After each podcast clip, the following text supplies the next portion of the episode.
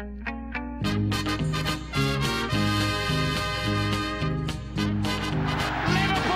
are champions of Europe again.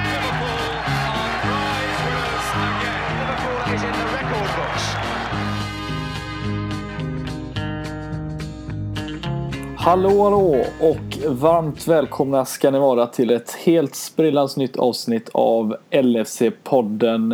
Den svenska officiella hemsidan som heter LFC.nu är ju det vi kör våran podd tillsammans med. Eh, vi har ju kört här nu snart i fem år, om inte ännu mer som sagt. Så känner inte till oss så gör vi återigen det här samarbetet med den officiella sidan där ni hittar allt ifrån de senaste nyheterna, eh, reportage och tävlingar, eh, medlemskap, you name it. Det finns banne med alltihop att att hitta som sagt. Så att, eh, och det kommer mina kära vänner här också kunna instämma på senare som jag ska bjuda in. Eh, vi gör ju även detta tillsammans med spelbloggare.se där ni hittar som sagt de senaste tipsen och eh, oddsen inför Premier League och Champions League tillsammans med Jonas och Sladjan även då som också har en podcast just för detta och eh, har även nu då släppt en ny Facebookgrupp som jag kan rekommendera er att besöka som heter Speltipsgruppen. Där ni kan dela med er ja, av varandra helt enkelt inför matcher och hitta de bästa oddsen. Ja, det var egentligen det. Jag tänkte vi skulle köra ett, ett eh, till avsnitt här som sagt den här veckan och eh, med mig ikväll så har jag mina vapendragare Christian och Daniel och om vi börjar med Daniel nu. Har du eh, köpt dina sista julklappar så är du redo här nu och i lugn och ro kan podda?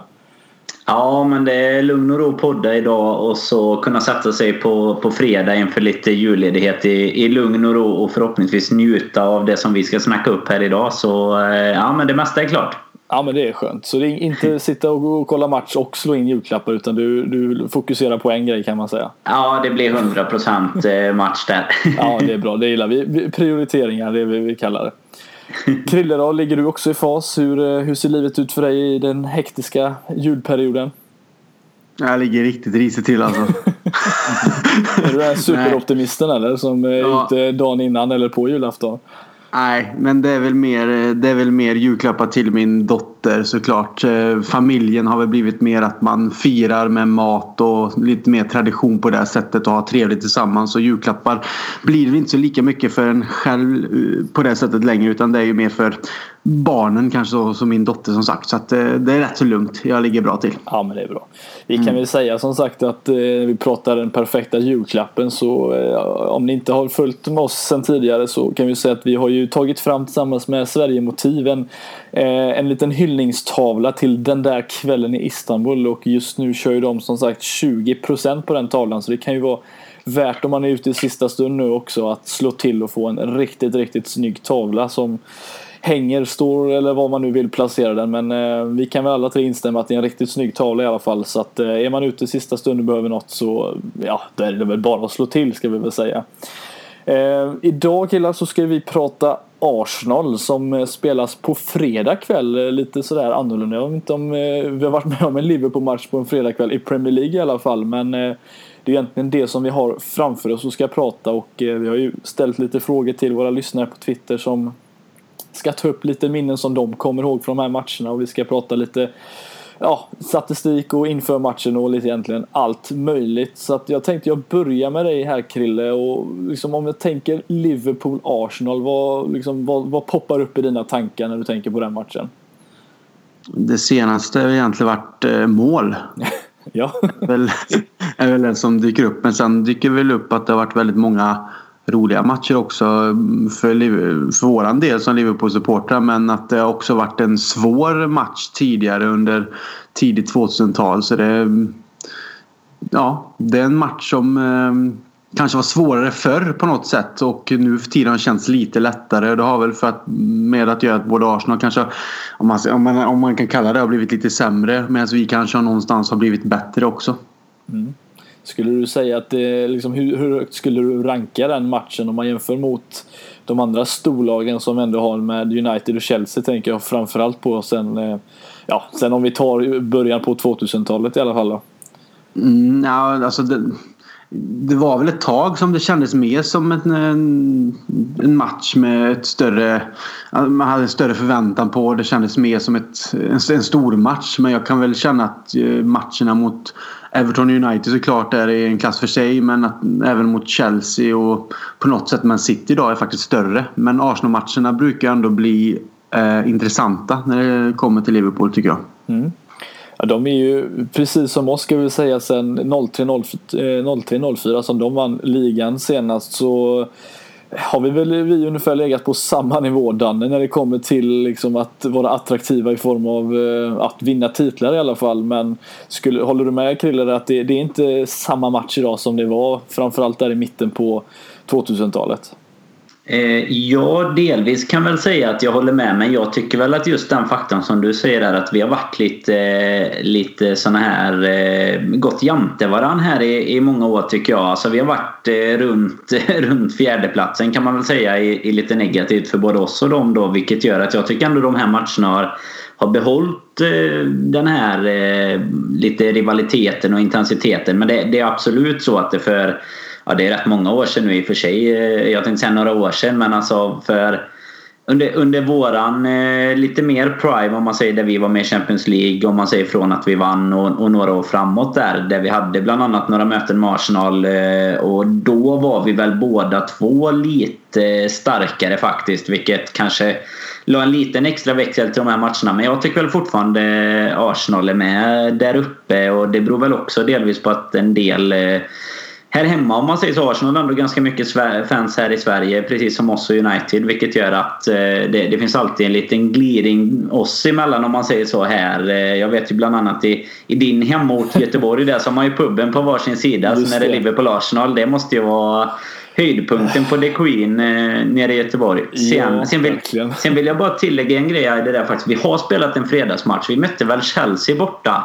Eh, en fredagkväll. Den är, det är den enda fredagsmatchen vi har spelat med vetligen när vi vann. Tror jag med 2-0. Eh, eller var det 2-1 kanske?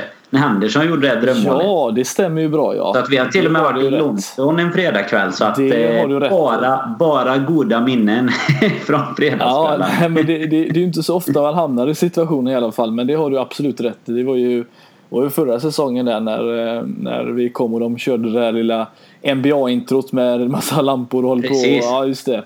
Det var väl det när de började testa fredagsmatcherna var väl egentligen förra, förra säsongen. Och, och det var lite, det var ju ganska tidigt där. Sen är det ju så att eh, det kommer vi väl, det är en liten utsvävning. Vi kommer in på det i framtiden här hur de här nya avtalen ser ut. Men det kommer ju, vad det ser ut som spridas ut ännu mer här i, i framtiden. Så det kan bli sena lördagskvällar och fredagskvällar och, och lite allt möjligt känns det som.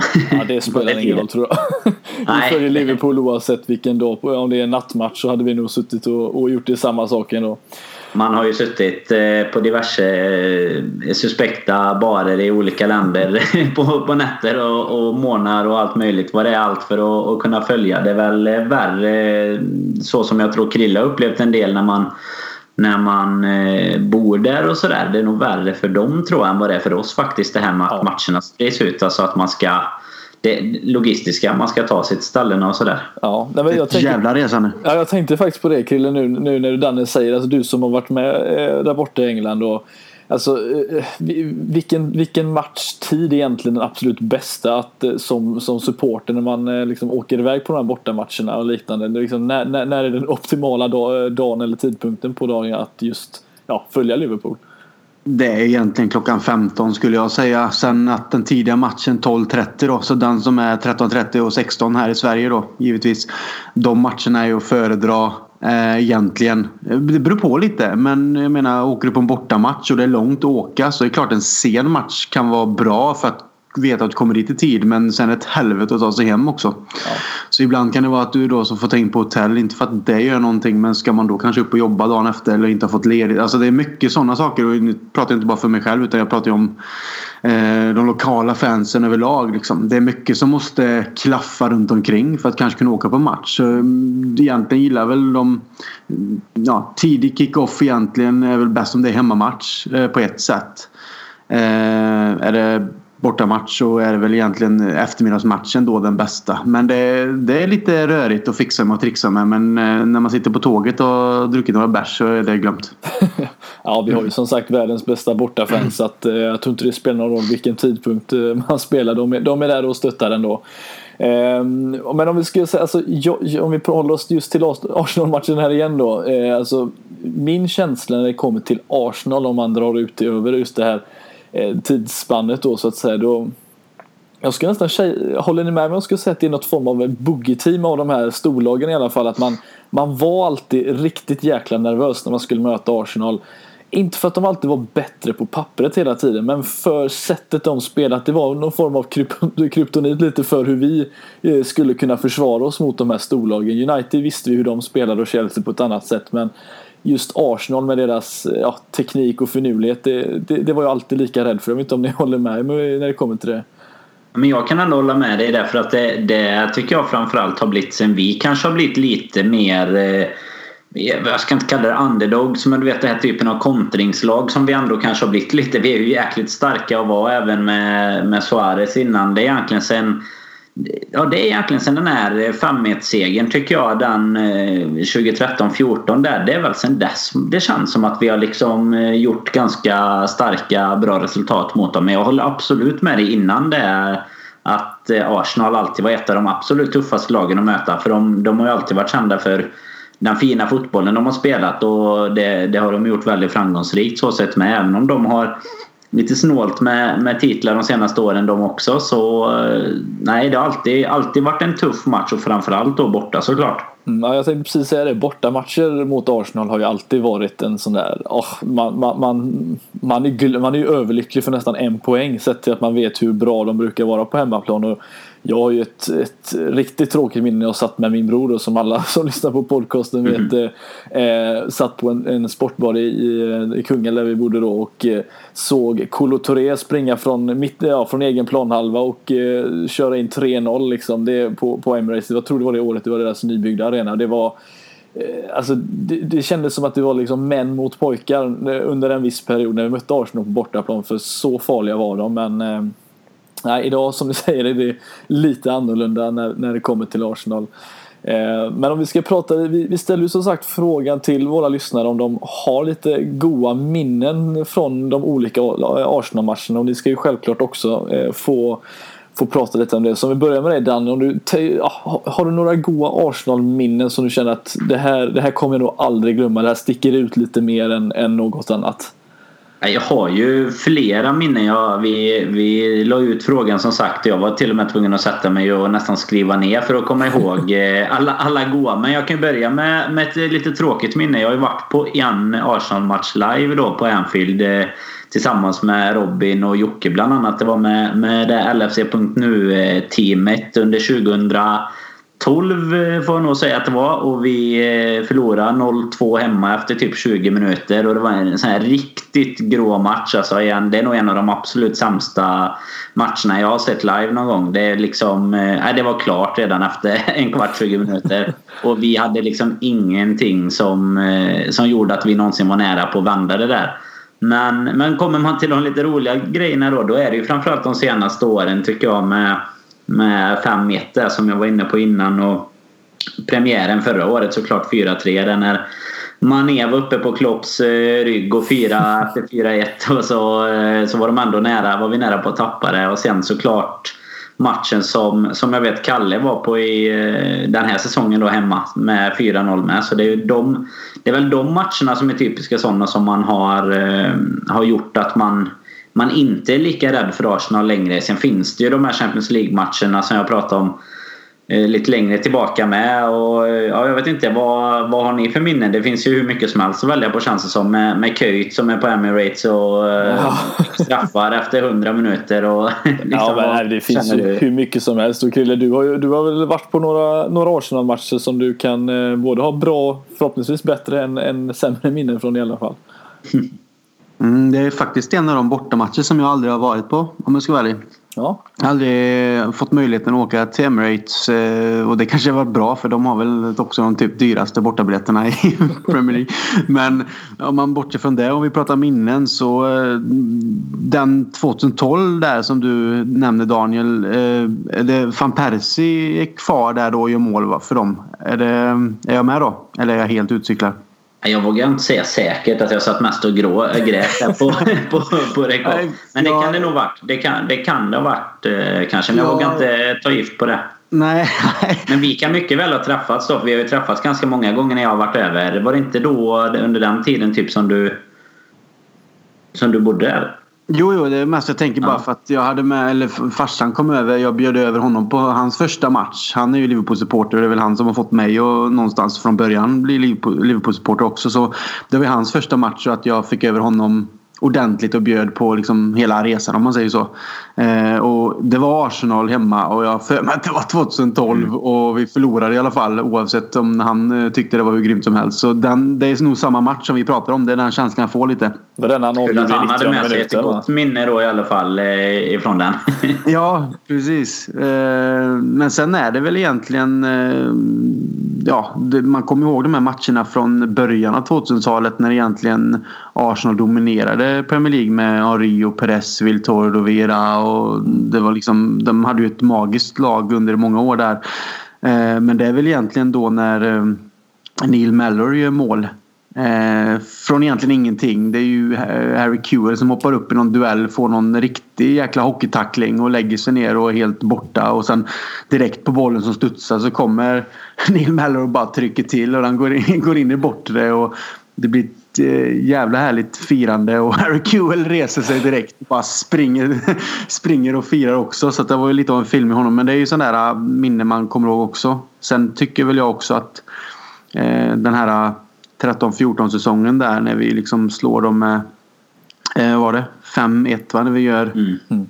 så många mål under de första 20-25 minuterna. Liksom. Man undrar vad det fan är som händer. Liksom, vi bara pangar in. För det Arsenal har man ändå haft respekt för så pass länge på grund av att Eh, det laget de hade men också Wenger under den tiden. Alltså han, han har alltid lyckats någonstans också förnya laget. Han har ju alltid liksom sålt av men tagit in som ändå någonstans har varit eh, goda ersättare och det är liksom aldrig, de har aldrig varit dåliga. Men det känns väl som precis som, som ni säger att de senaste säsongerna så känns det som att det blivit lite enklare och det har ju väl både med som jag sa i början att vi har blivit lite bättre tycker jag. Att Arsenal kanske har tappat lite av den här eh, superudden som de hade med till exempel Henry då, en sån striker som alltid gjorde mål på oss och Carragher sprang omkring som en jävla yr höna. Eh, så så att eh, det har väl lite med den balansgången att göra.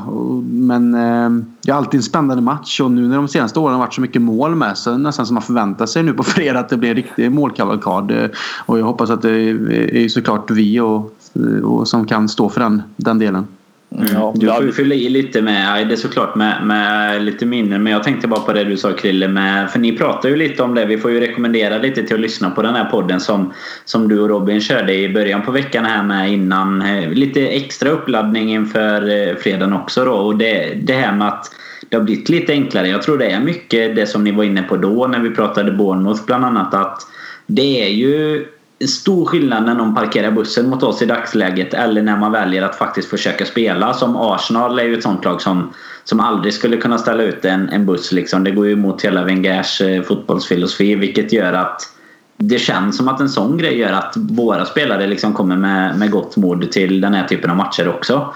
Eh, jämfört med att behöva liksom knäcka en, en mur egentligen då. Men, men Arsenal har ju, eh, har ju egentligen alltid, eh, även när de har dominerat över oss och till, till nu då där, där det ser ut att vi absolut har ett, ett övertag på de senaste matcherna och det kommer vi prata mer om i statistikmässigt sen också. Men eh, om man tar, tar Wenger har ju varit uppe mot egentligen bara Ferguson som tränare under hela sin karriärstid då som Arsenal-tränare och mot Liverpool så har han ju fått stå emot ja, en hel del olika tränare alltifrån egentligen eh, Hulier Holier till Benitez till Douglas och Hudson och ja, vilka det nu än kan vara. Men skulle ni bara säga att, det att de har blivit sämre och vi har blivit bättre eller finns det någon, någon form av eller är det bara så enkelt att säga att det är det som är lösningen på varför vi har blivit så har fått ett övergrepp på dem så att säga?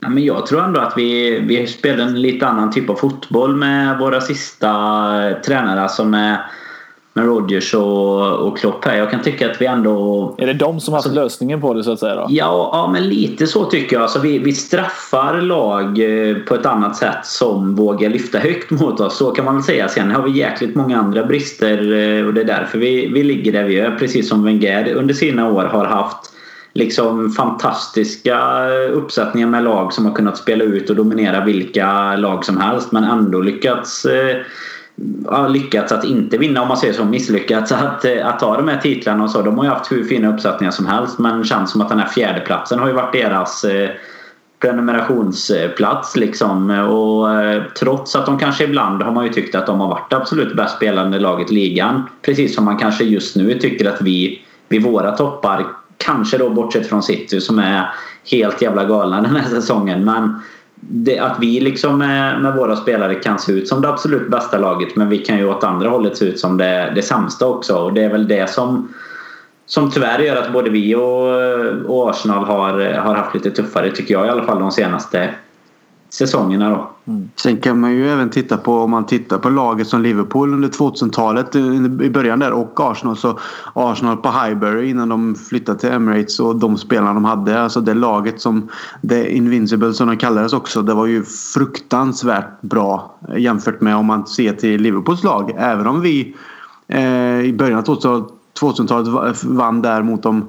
Michael Owen vände och, och vann FA-cupen åt oss och sen att vi gick och vann Champions League. Så laguppsättningarna liksom om man ändå tittar krast på startspelare och trupp så var ju Arsenal fruktansvärt mycket bättre än vad Liverpool var. Men idag tycker jag ju att någonstans att Arsenal trupp, även om de har fruktansvärt bra spelare idag med, så tycker jag ändå inte att de är lika bra och talangfulla. Däremot tycker jag att Liverpool har ju någonstans hittat om man tittar på våra spelare idag och de kanske de senaste åren, de, de gångerna vi har vunnit så har vi ändå varit mer likvärdiga eller kanske till och med bättre. Och tittar jag på trupperna idag så tycker jag väl att Liverpool överlag nästan vinner lite mot Arsenal. Även om det finns Sanchez och Özil och de här så tycker jag ändå att vi har ett mer stjärnspäckat lag idag än, än vad Arsenal har. Och någonstans tror jag också att det är hur alltså Wenger som tränare hur mycket respekt man ändå måste vara för han, eh, ha för hans arbete i Arsenal så tror jag ändå att någonstans att han, han har börjat bli lite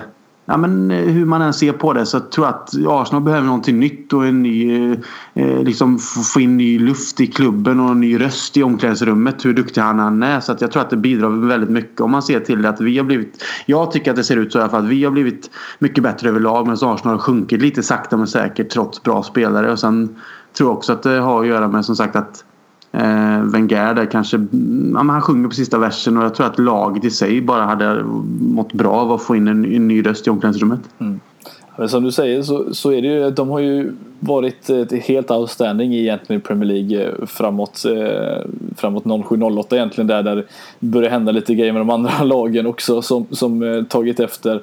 Och, eh, men i Champions League har det ju varit lite annorlunda för oss när vi har mött Arsenal. Eh, jämfört. Vi har ju mött, tänker ju framförallt på 07-08 säsongen som ni så, såklart kommer ihåg i Champions League. Vi hade ju ett 1-1 möte på Emirates och sedan Danne en en ganska nervkittlande tillställning på Anfield där i returmötet.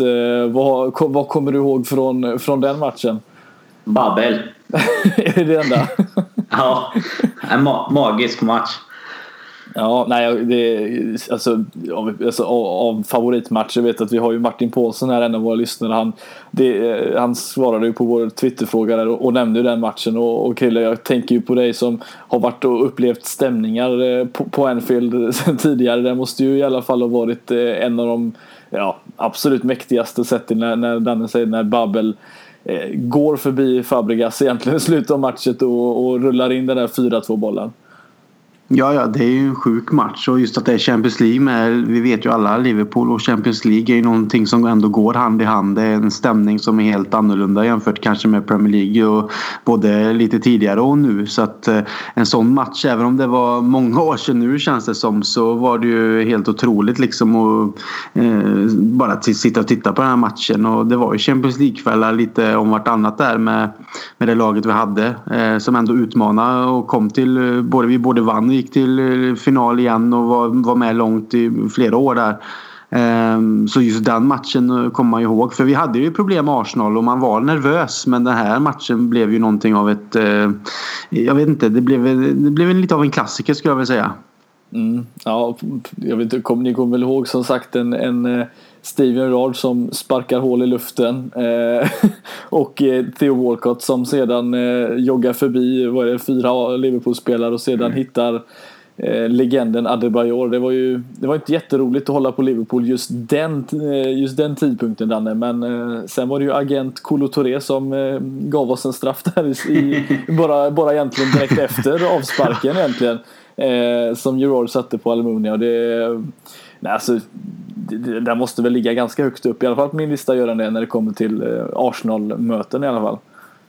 Jo, men just betydelsen av, eh, av en sån match också. Det är väl framförallt det som, som gör att det, det kanske är den tillsammans med, tycker väl jag, då 2013-14. Där när vi ändå fortfarande eh, allt hopp fanns för en titel och vi hade en helt sjuk vår, framförallt hemma på Anfield då.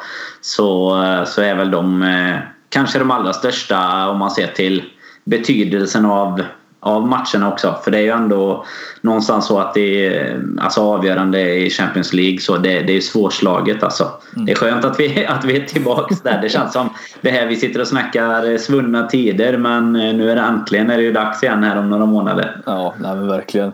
Och du ska dit i TAS? Ja, jag ska bara fixa en biljett först.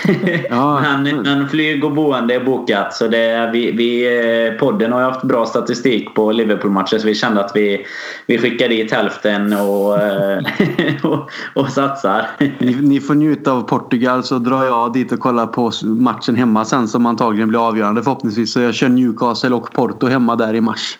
Ja, det är ju perfekt. Det är ju ja. ja det är gott. Nej, men det Då får ni se till, att, se till att resultatet blir bra på bortaplan där, annars kommer jag skylla på er där. Förstöra stämningen redan nu.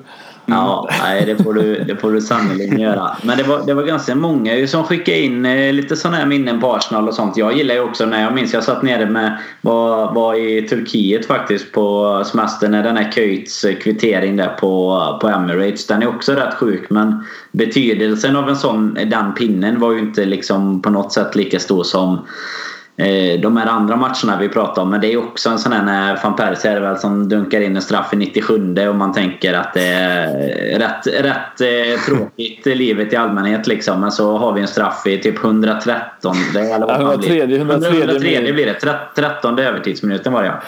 Eh, helt, Men det där är ju en sån himla, det där är en sån himla sjuk match. För jag kommer också ihåg den att eh, det var väl Carragher som åkte på en, en ganska hemsk huvudskada i den matchen. Eh, han, han eh, krockade väl med någon Antingen det var en Liverpool-spelare eller en Arsenal-spelare och det var ju därför det blev just 13 minuters mm. tilläggstid. Och, Alltså, det, det, man kände ju redan, jag kommer ihåg känslan då att, eh, att få en straff emot sig i den vad som var 97 minuten det, det, är ju så typiskt Arsenal det kan bli. Men att sedan då gå och dra på sig en straff i den 103 minuten som jag tror Eboué gjorde på Leiva.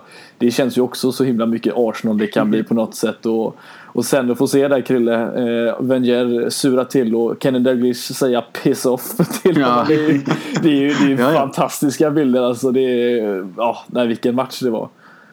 Ja, ja, det är ju det man älskar lite med en sån eh, snubbe om man ska kalla honom för det. Som Kenny Dalglish, den legenden. Liksom att han då är, han är manager för Liverpool i, återigen i lite, på lite äldre dagar och kommer och ja, får in det där eh, målet på en straff i den minuten och någonstans när Wenger går fram och ska tacka. Han surar som vanligt. Bara liksom, han är ju alltid sur Wenger. Det är liksom, han är riktigt, riktigt tråkig människa verkar han vara. Men i alla fall.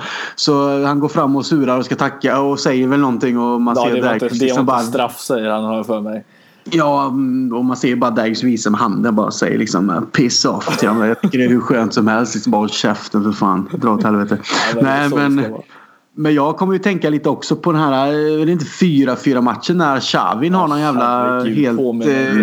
Nej men det är också en sån här match som man bara tänker liksom vad är det som sker liksom. För det enda man egentligen kommer ihåg är ju lilla ryssen där som springer och visar fyra fingrar mot filmkamerorna och så verkar helt chockad själv. Eh, det är också en sån där match som någonstans, även om det inte är roligt, så den sätter sig ändå i minnet just för att den när han gör fyra mål. Liksom. Ja, den kommer man ju inte att glömma av negativa minnen om man säger så. Den är ju en sån som alltid kommer att, att komma upp i, i sammanhang när man snackar Liverpool Arsenal och tyvärr kommer vi bara få se den här bilden som du säger när han har fyra fingrar uppe. Det är, det är ju resten av våra liv vi kommer få dras med den. Ja, han är väl en av de Nej, jag tänkte bara säga det där är, det där är liksom en, en, en tidigare egentligen variant av Chelsea-matchen 13-14 där, mm. där vi egentligen är i en helt hysterisk form och vinner väl ungefär vad var det 10 av de 11 senaste matcherna liksom den, den för att hänga med då på, på just United.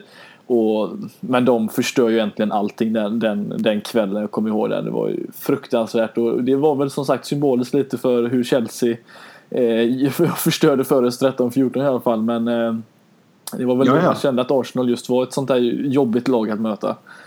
Ja men det är lite kul med för just tänker på så här Xavi som ryss med. Jag vet det var väl nu bara nyligen som Niva satt i Viasat-studion och pratade om, om ryssarna i Premier League. Om hur de egentligen har misslyckats.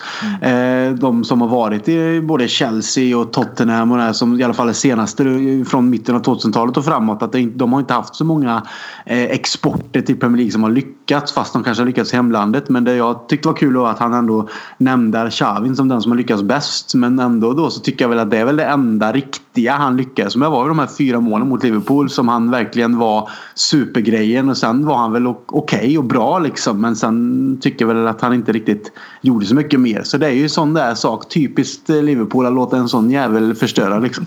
Jag minns fan att jag tyckte han var rätt bra ändå. Alltså han var, hade inte han någon säsong som han var så här riktigt eh, grym? Eh, eller om det, det var precis Det var väl den. Ja, men han, kom, ja, han kom ju från ett EM-slutspel där Ryssland var helt ja. magiska och han mm. var liksom den stora stjärnan stjärnan ungefär likt Milan Baros i EM 2004 och sen så köptes han ju upp och det blev ju aldrig riktigt någon superhit därefter men eh, han, hade, han nådde väl ungefär sin peak i, i, en säsong. Sen var det inte så jäkla mycket mer. Och självklart ska han ju dra till fyra bollar på Anfield. Det är ju ingen, mm.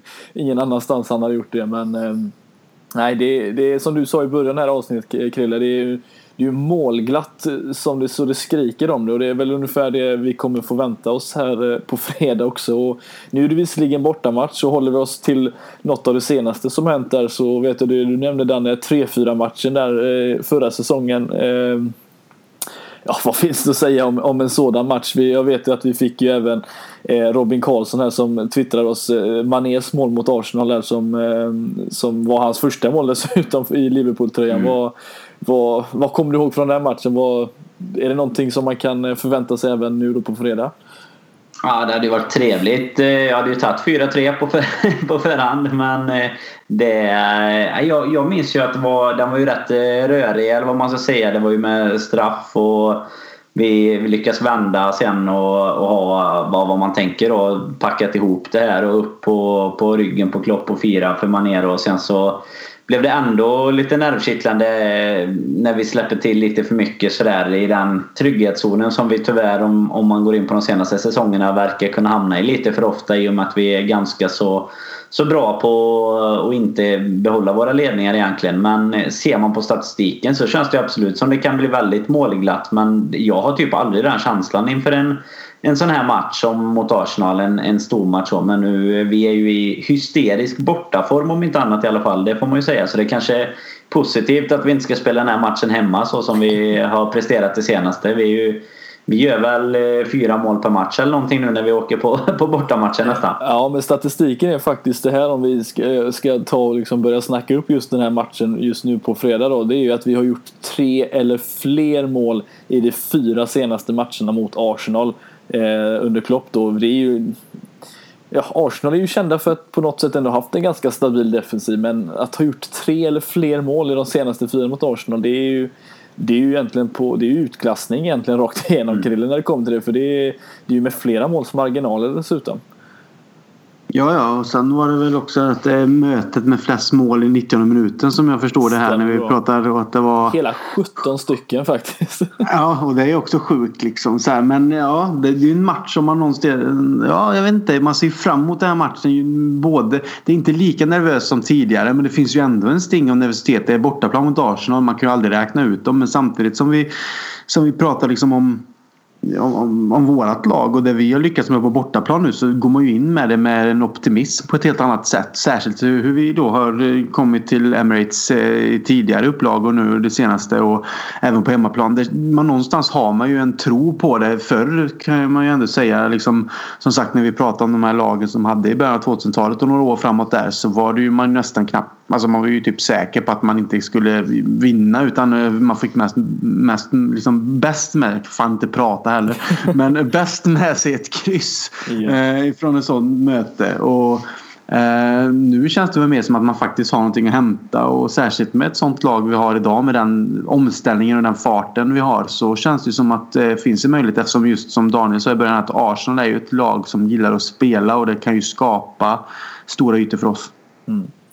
Ja, just, just mål, eh, det, det, kan vi väl nästan garantera i alla fall. Det är ingen 0-0 match. Det, det, kan vi nästan spika nu. Det, det är frågan om vad vi, om man går in sen och, och kikar på spelbloggar.ses hemsida och kollar vad ett 0-0 resultat skulle ligga på. Det, det tror jag att eh, man vinner rätt mycket pengar på om man skulle tippa i alla fall. Ja, det var så här odds för de här eh, över fem och ett halvt mål och sånt i matchen. Och liksom så här, om de är någorlunda eller om de är riktigt låga. Det, också, det hade också varit ja, intressant. Men mål kan vi i alla fall garantera. Så att, äh, det, det, det beror väl på lite hur man ställer upp i alla fall Danne. Man tänker med hur det sett ut nu. Vi har ju pratat rätt mycket och, och, gissat oss fram laguppställningar men varje gång nu de senaste veckorna i alla fall så har ju Klopp eh, slått oss på näsan och gjort något helt annorlunda. Så vad skulle du säga att vi har att förvänta oss nu då? Vi hade ju en Sadio Mané som eh, bänkades mot eh, Bournemouth men det gick ju ganska bra i den matchen ändå. Men eh, tror du Klopp eh, kör safe eller tror du han går all in och blir en liten reunion för Fab 4? Ja, men jag tror att det kommer bli lite all in faktiskt. Nu har det ju ändå varit varit eh, lite vila, eller lite mer vila inför den här matchen än vad det har varit inför de här senaste. Även om det nu givetvis kommer ett spelschema som är helt, eh, helt galet och ännu, ännu galnare än vad, vad det har varit. Vi kommer ju spela egentligen fyra matcher eh, från fredag tills, vad heter den nu, nyårsdagen heter den väl? Första, första januari där. Så det är klart att man behöver verkligen eh, alltså, lägga upp en, en plan för hur man ska hålla alla fräscha och sådär. Men jag tror väl att eh, den här matchen är en av matcherna som han, eh, han kommer gå all in i och med att vi har lite möjlighet att ha alla utvilade nu. Men den ska man ju lägga en sån brasklapp nu om man ska, ska spela på det här så är det ju de här matcherna som han verkar ha har vilat någon av de, de bättre tycker jag. Eller så som vi har pratat om innan. Både Chelsea-matchen och derbyt mot Everton. Så att eh, jag, jag pratar väl lite från hjärtat såklart när jag, när jag vill att alla ska spela också. Men eh, jag, jag, tror på det. Jag tror de kommer vara, spela alla, alla fyra om man säger så. Så dessutom starkaste laget i, i övrigt också om man säger så då. Mm. Ja, för Krille, det är, som Danne säger där, just Chelsea-matchen har man ju ganska, ganska nära på, på näthinnan. Just, just att eh, Klopp ställde ut det laget han gjorde att de absolut bästa spelarna faktiskt inte spelade i en så pass viktig stormatch. Även fast det då även var på på hemmaplan. Men eh, håller, håller du med Dan eller tror du att han eh, vågar sig på någonting eh, mer än så sett till att nu ligger vi en, jag tror det är en, poäng för Arsenal här i ligan och eh, kan ju verkligen befästa den här tredjeplatsen, eller fjärdeplatsen i detta fallet och även närma oss Chelsea framförallt. Mm, jag tror ändå det är viktigt att han någonstans hoppas att han går in inför den här matchen med den tanken precis som du nämner att vi kan ta ett litet, litet steg där förbi och känna att vi någonstans har... För efter Arsenal har vi väl två hemmamatcher va? Mm, ja, det stämmer nog bra. Så att man liksom någonstans går all in för den här matchen och sen att som vi pratade om tidigare, just Arsenal är ett spelande lag. Jag hoppas att han vill utnyttja sina snabbaste spelare med Mané, Salah och Firmino då. Eller liksom Firmino kanske just för den uppgiften som han har och den, det som han bidrar med. Med att vi använder Ehm, eh, Mané och Salah i det här syftet just för att kunna kanske då i yta ställa om och straffa dem riktigt, riktigt hårt. Att vi utnyttjar farten som vi faktiskt har på de spelarna. Det tror jag är jätte, jätteviktigt i den här matchen. Om vi då Eh, förhoppningsvis går all in för att ta det steget och kunna känna sen att kan vi vinna mot Arsenal borta så har vi sen två hemmamatcher i ett läge där vi faktiskt någonstans kan verkligen etableras, eh, att e- etablera oss i toppen för kampen om de här Champions League-platserna och någonstans inte känna den här pressen som jag tycker finns just nu. Det är lång, lång, det är lång säsong fortfarande men det börjar bli lite tight liksom. Jag tycker att vi måste någonstans nu när vi spelade lika två hemmamatcher nu mot Everton och West Bromwich så känns det som att vi måste ta igen det och då är det väl jättebra kanske att börja med Arsenal borta och försöka gå in där och sen har vi två hemmamatcher där vi kan någonstans ställa allting till rätta igen enligt mig då. Mm. Det pratas ju väldigt mycket i alla fall eh, på sociala medier märker man ju, eh, eller jag skulle säga det i alla fall, eh, om återkomsten som, som kanske blir, får man väl säga nu då beroende på om man startar eller inte, men Oxlade Chamberlain, Danne. Eh, de skrattade åt oss eh, då, men eh, skulle du säga att de skrattar åt oss nu? För nu har han ju faktiskt blivit varm i kläderna och gjort, gjort det väldigt bra i Liverpool-tröjan. Ja, de senaste insatserna han har stått för när han har fått chansen har ju varit riktigt bra. Framförallt nu sist tyckte jag han var, var grym. Så att det, det är väl den personen, den spelaren som jag känner är närmast nu när jag pratar om att vi skulle slänga all in liksom så är väl det den som jag kanske tycker är närmast på i alla fall kunna slå sig in och ta en plats eh, mot, ja, mot någon av de andra då. För det, nej, jag tror inte att de, eh, som, som själva frågan var, jag tror inte att de skrattar lika mycket nu om de har haft koll på honom. För eh, nu börjar han ju faktiskt visa var, varför vi, vi värvar honom och det är väl alltid så. Det tar lite tid att komma in i en ny klubb och det, han har ändå inte varit hos oss jättelänge. Men eh, börjar ju absolut visa mer och mer. Han har inte fått jättemånga chanser heller men eh, nej, som sagt senaste, senaste gångerna han har fått chansen har det varit riktigt bra tycker jag. Men du tror inte det blir lite framtungt lag om han skulle, för Coutinho, om, om det blir då Fab Four som du säger, då är det ju eh, de tre där framme som är man är Eh, Firmino och Salah. Och sen har du en Coutinho på mittfältet och troligtvis då en Henderson eh, som den mer sittande. Och då ska du i så fall in med en Chamberlain istället för en eh, Wijnaldum som visserligen inte har rosat marknaden på sistone och varit väldigt svag när de andra har visat formen. Men eh, du tror att det fortfarande är ett, eh, en stor möjlighet att han kan ta den platsen istället eh, för Wijnaldum? Ja, det, det, är väl när, när, man tänker eh, ur den synpunkten så är det väl kanske så att han eh, kanske inte går in tillsammans med dem i så fall utan det är väl snarare om det blir någon sorts rotation med lite vila. Eh, risken, eller som jag ser det risken, finns ju också att han tänker lite som mot Chelsea och kanske ställer ett, ett ännu eh, tråkigare, om man säger så då, sett till spelarna på pappret, lag eh, på planen med lite defensivare inriktning. Men jag tror väl att bästa, bästa receptet mot Arsenal egentligen är att, att vara lite framtunga som du säger. Vi behöver satsa på att göra fler mål än vad de gör eh, i ganska bra antal. Inte liksom försöka gneta till en 1-0-seger eller något. Jag tror inte att det är att man ska åka till Emirates och tänka så. Utan det är full fart framåt egentligen och så försöka och, och göra så gott man kan där, där bak. Ja, så, så rotationsdelen nu eh, börjar, börjar den liksom tonas ner lite nu då när vi går in i det här nu när vi har ändå roterat så mycket som vi gör Krille. Att, för ni pratade om det i podden senast du och Robin och det, det är ju en intressant, ett intressant ämne när det kommer till just den med rotationen. För det är ju det är en hel del som, som påstår att nej, men det, bara är en, eh, det är bara en myt, du behöver inte rotera. Men eh, med, med Liverpools, eller ja, Klopps Liverpool så har det ju visats att det inte riktigt är så. Men eh, skulle du fortfarande säga att det är nu man ska gå all in och eh, köra liksom, racet fram och ta de här viktiga poängen? Eller är det rotationen som är viktig fortfarande? Jag tycker att en sån här match är det all in att man ställer sitt bästa möjliga lag på pappret. Liksom att man försöker ändå gå till eh, åka till Emirates och, och ta tre poäng för att det är så pass viktigt just nu som jag nämnde innan med de här eh, poängtappen vi gjorde hemma. Jag tycker att liksom hade man tagit de poängen så kanske man hade kunnat ta en annan approach i en sån här match. Men sett till hur det har gått tidigare och kanske då hur Arsenal spelar och den taktiken så tycker jag ändå att vi ska gå för det. Och sen tycker jag, jag förespråkar rotation eh, för att spelare måste vila men det gäller att göra det vid rätt tillfälle. Jag tyckte ju till exempel inte att det var rätt till, eh, till derbyt. Och det har vi diskuterat tidigare. Liksom den betydelsen som den matchen har för fansen och för alla liksom runt omkring så är det också en match där man ska ställa ut det bästa laget för att verkligen, verkligen gå in för att vinna tycker jag är jätteviktigt. Så hade man kunnat vila mot West Bromwich istället. Nu gick ju det också som det gick men eh, hade man kanske vunnit mot Everton då så hade det varit helt andra eh, ja, förutsättningar inför den matchen med. Så att eh, jag tycker väl att Klopp kanske har Förhoppningsvis vet jag ju, det är klart han vet mycket, mycket mer om fotboll än oss. Men det är ju lite så att han kanske kan se på det och eh, tänka annorlunda. Jag tycker att Arsenal-matchen är så pass viktig att man går all in och sen har vi två hemmamatcher där man kanske kan istället eh, det blir mer eh, prat om att kanske vila en, två spelare i hemmamatcherna liksom tycker jag då.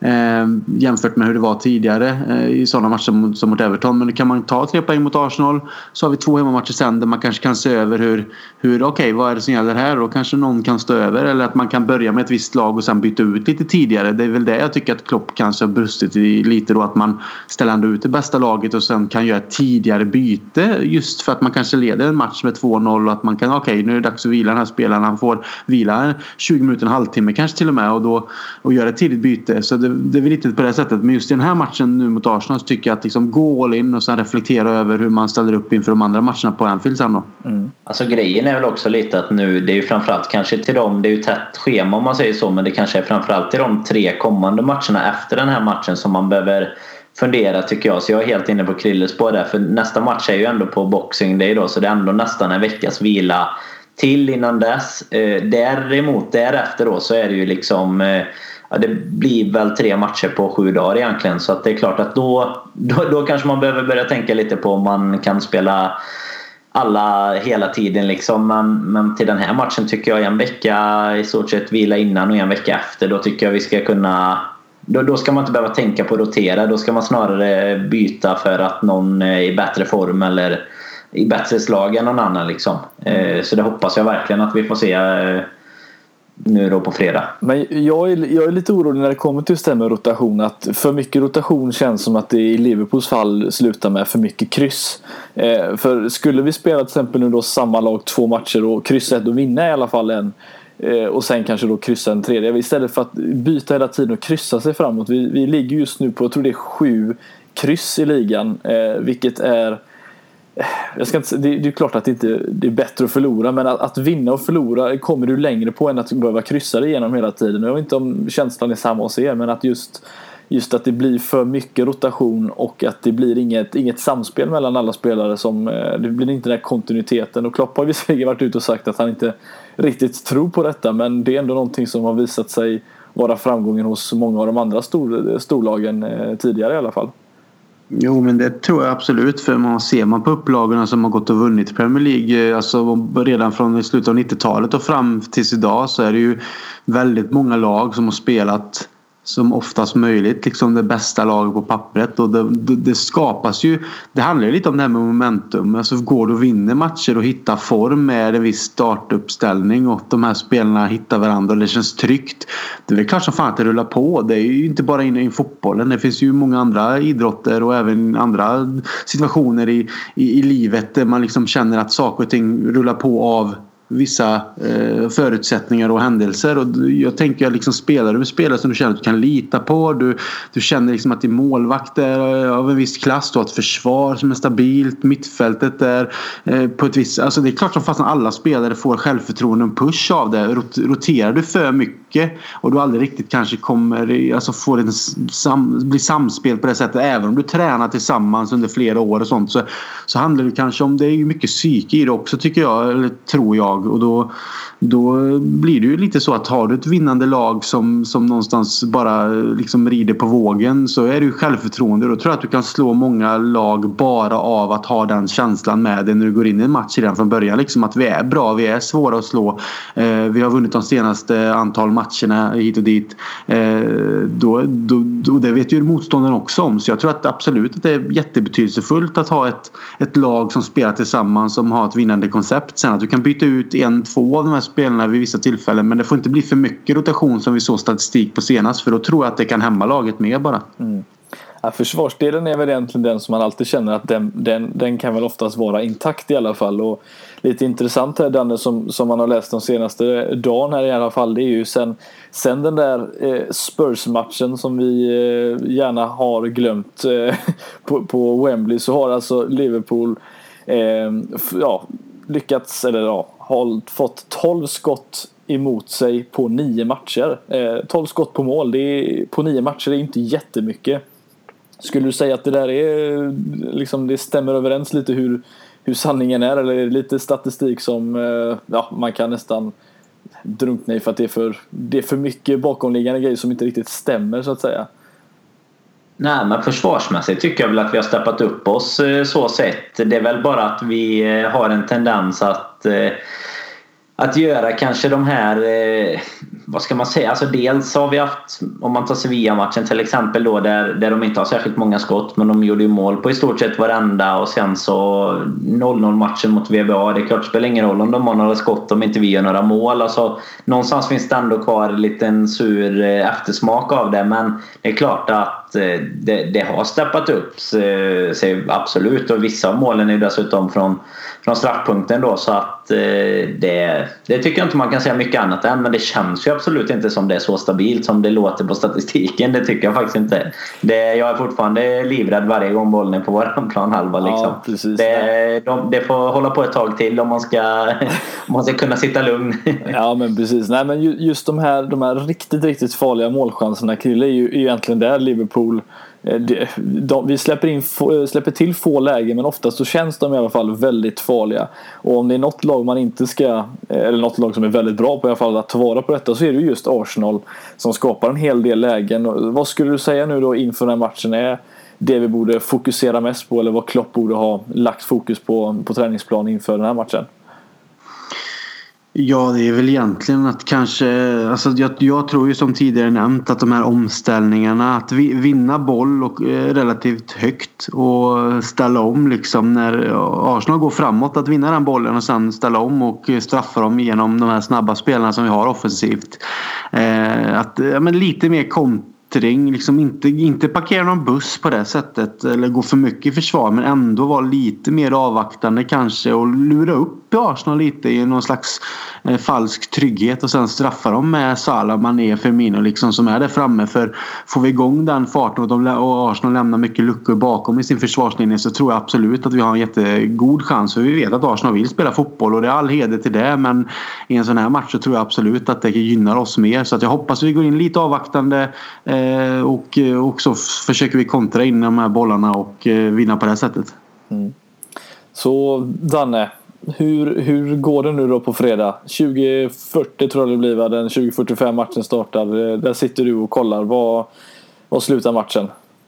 Det blir eh, 3-2 till Liverpool. 2-3 alltså. Jag, jag kan inte vara... Jag kommer inte känna det kanske 20-40 på fredag men eh, det är så pass långt kvar så jag, jag känner mig eh, tillräckligt eh, hög på segern från förra veckan, förra helgen då. Så 3-2 vinner vi med.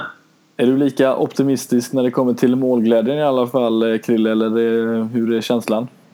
Uh, ja det säger väl lite så att det kommer bli en del mål men jag har ändå en bra känsla. Jag hade sämre mot Bournemouth och det gick ju bra. Eh, men jag skulle nog säga mm, 2-1 till Liverpool säger jag med en bra känsla. Mm. Ja, jag har inte riktigt samma känsla. Jag, jag är mer inne på en, en 2-2. Jag tror absolut att det kommer bli mål och det kommer bli Eh, svängig fotboll och eh, det vet jag att eh, om det är något lag, två lag som är bra på svängig fotboll så är det ju Arsenal och Liverpool i alla fall. Så att, eh, jag tror på ett kryss och jag tror på eh, ett, ett ganska rättvist sådant.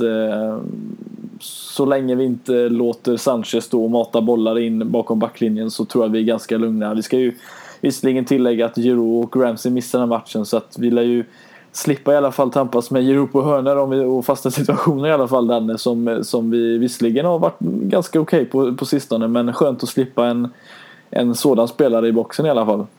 Ja, men det, det, tycker jag absolut. Det, vi har ju lite tufft i de duellerna men eh, samtidigt Sanchez och, och Lacazette och de här mot eh, Klavan och, och kompani där nere. Det är ju inget som eh, ger mig eh, några jättegoda tankar. Men, eh, men jag är positiv så här långt ändå. Så att vi gör i alla fall fler framåt. Men det blir det är ju tufft eh, tycker jag att möta Arsenal. De är ju väldigt bollskickliga. Och, Giroud är väl ganska skönt på ett sätt för att det känns så här att nu när det är aldrig kul att någon är skadad såklart men de har liksom ingen plan B på samma sätt som de har med Giroud. Alltså han har ju kommit in och avgjort eh, fyra matcher eller vad det är redan den här säsongen.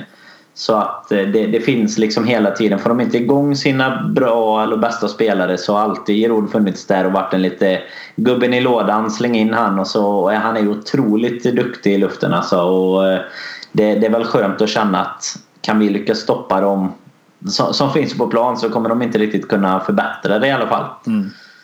Nej precis, nej det, det, vi kommer att se helt enkelt vad, hur det här slutar och Vi kommer ju, kan ju säga redan nu att vi kommer ju spela in här nu och tror det blir på lördag igen va? Eh, om jag har förstått det rätt med hur planeringen eh, blir. För det är ju ganska intensivt schema här för oss och vi får prata upp de matcherna som kommer. Så att eh Eh, det blir ju mer att snacka om vad som händer i alla fall på fredagen. Då ska jag säga och se om vilka av oss som är med då på lördag tillsammans med Robin som är tillbaka från julbordet. Eh, ja, det vet vi ju inte visserligen hur... Eh, det beror på hur mycket han äter, men vi får väl se. Vi hoppas att han är tillbaka då i alla fall. Och vi kan ju lova att vi kommer hänga med under de här täta matcherna ja. i alla fall. Vi kommer att, att finnas, eh, finnas i lurarna även under julledigheten. Ja, sen kommer visserligen vi behöva vår lilla julledighet men eh, det, det tar vi längre fram i alla fall. Så det kommer bli några avsnitt innan dess i alla fall.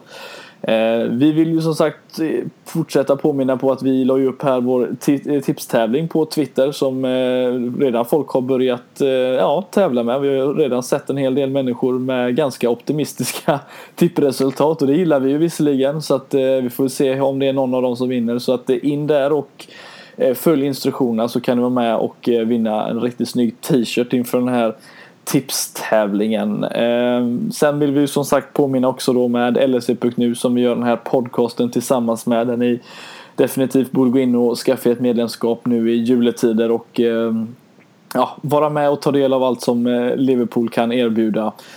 Även såklart spelbloggare, våra vänner som vi har kört med nu några veckor. Så att eh, in där, hitta de senaste tipsen och oddsen så eh, kanske ni dessutom kan köpa er en lite finare julklapp eh, till er själva också. Ja killar, känner ni att vi har eh, fått gå igenom de flesta Arsenal-minnena? Eh, någonting annat ni har på hjärtat som ni vill eh, meddela innan vi lägger på här? Lite kort bara att eh, Giroud är ju skadad. Ja det sa jag. Att, eh, ja du sa det? Ja. Ja du ser. Ja det är helt otroligt. Det pratar vi om men... ja, det, det, det, har jag, det, har jag, det har gått helt förbi mig. Helt sjukt. Alltså härligt. Jag vill bara poängtera Danne du, Danne, du får dra det igen. Danne dra ja. det igen. Krille är så jäkla nervös inför matchen här på fredag så han har bara stängt av allt. Han har redan gått på lite julledigt. Ja. Vi, får, vi får väl passa på att hälsa en god jul. Eh, nej det behöver vi inte göra. Vi, vi kommer ju dagen innan julafton. ja, det, det, det är farligt. Nu är det dags att lägga ner det här. Ja. Men vi kommer dagen innan julafton. Ja, precis. Jajamän, det blir lite uppesittarkväll kan man väl säga. Eh, med tanke på att eh, Ingvar Oldsberg inte längre är med i Bingolotto så blir det lite Danne man får lyssna på i så fall inför julafton sent in på småtimmarna. Så att det kan ju inte vara sämre det visserligen. Så att nej. Vi tackar som sagt för att ni har lyssnat idag och eh, vi hörs igen på lördag som det ser ut i alla fall så får ni ett skönt avsnitt att eh, snackar när vi snackar ner Arsenal och även pratar upp inför nästa match som kommer därefter. Så att eh, tack ska ni ha och så hörs vi igen på lördag.